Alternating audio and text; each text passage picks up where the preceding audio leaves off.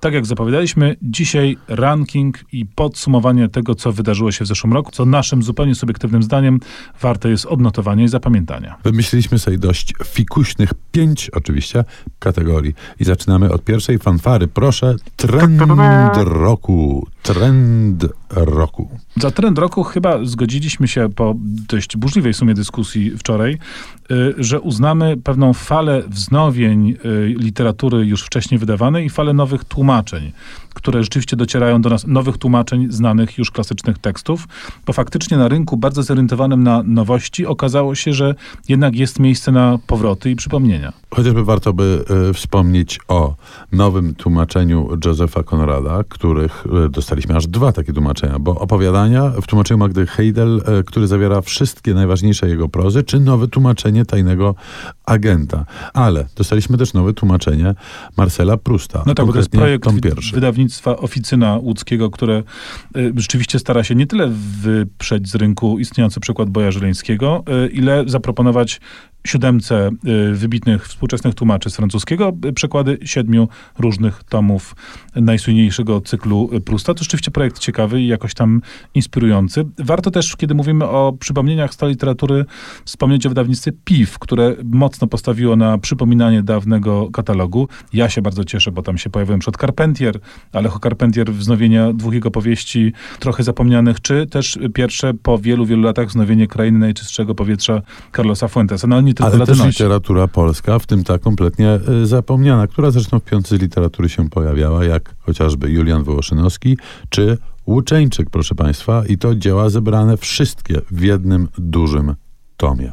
Mamy więc trend i ten trend bardzo nas cieszy i mamy nadzieję, że się utrzyma. Ale to nie jest tak, że wszystko nas cieszy. Niektóre rzeczy nas smucą, zawodzą. I tak przechodzimy do drugiej kategorii w naszym rankingu.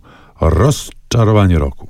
No, ja miałem duży problem i w końcu nie wymyśliłem, jaka jest moja ulubiona książka, jakieś takie objawienie literackie y, tego roku, bo było ich parę, ale z rozczarowaniem czytelniczym nie mam problemu. Jest to książka George'a Saundersa pod tytułem Lincoln w Bardo. No tak, ale to nie jest tak, że ci się nie podobało, tylko po prostu nie spełniło oczekiwań i, i, i nie uznałeś tej książki za arcydzieło, a zrobili to właściwie wszyscy.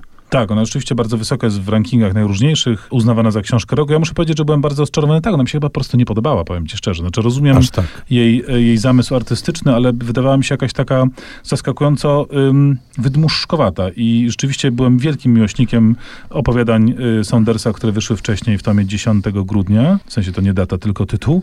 Y, znakomity pisarz, a tutaj wydaje mi się, że ta forma y, szersza jakoś kompletnie mu nie wyszła. Jestem dość odosobniony w tym zdaniu, ale takie mam poczucie pewnego no, rozczarowania właśnie. Oczywiście rozczarowaniem kolejnym w tym roku był brak literackiego Nobla, no bo wiadomo, w październiku zawsze e, nerwy, zawsze obgryzanie paznokci i co byśmy nie mówili o tym Noblu e, nieszczęsnym, to jednak zawsze było święto W literatury. sumie jedyna i, nagroda, która naprawdę grzeje całą społeczność czytelniczą, prawda? Tak, to tak. I działa. taka okazja, żeby rzeczywiście się w czytelnictwie zjednoczyć. Dla mnie rozczarowaniem jest jeszcze coś, co nie jestem w stanie powiedzieć, czy rozpoczęło się w tym roku, czy troszeczkę wcześniej. Natomiast nie tyle co zalew literatury e, non-fiction dla dzieci, co jak gdyby co coraz większa ich dominacja. I mam wrażenie, że e, opowieść, że fabuła, że bajka jest wypierana przez właśnie takie rzeczy jak reportaż dla dzieci, czy taka forma leksykono-encyklopedyczna, Ale rozumiem, że nie masz niezwykle nic przeciwko tej literaturze jako takiej, w sensie faktowej, tylko że powinna ona iść w parze z literaturą fikcyjną, opowieścią, tak, baśnią. Tak. Mam poczucie, że jest jej troszeczkę za dużo i że zaczyna dominować ten fragment rynku książki i że coraz trudniej trafić na fajną fabułę dla dzieci. Tutaj się na chwilę zatrzymamy w naszych rozważaniach podsumowujących. Posłuchajmy fragmentu muzycznego skomponowanego przez Hansa Zimmera do filmu Telma i Louise. Ten kobiecy aspekt y, zaraz zostanie przez nas wytłumaczony.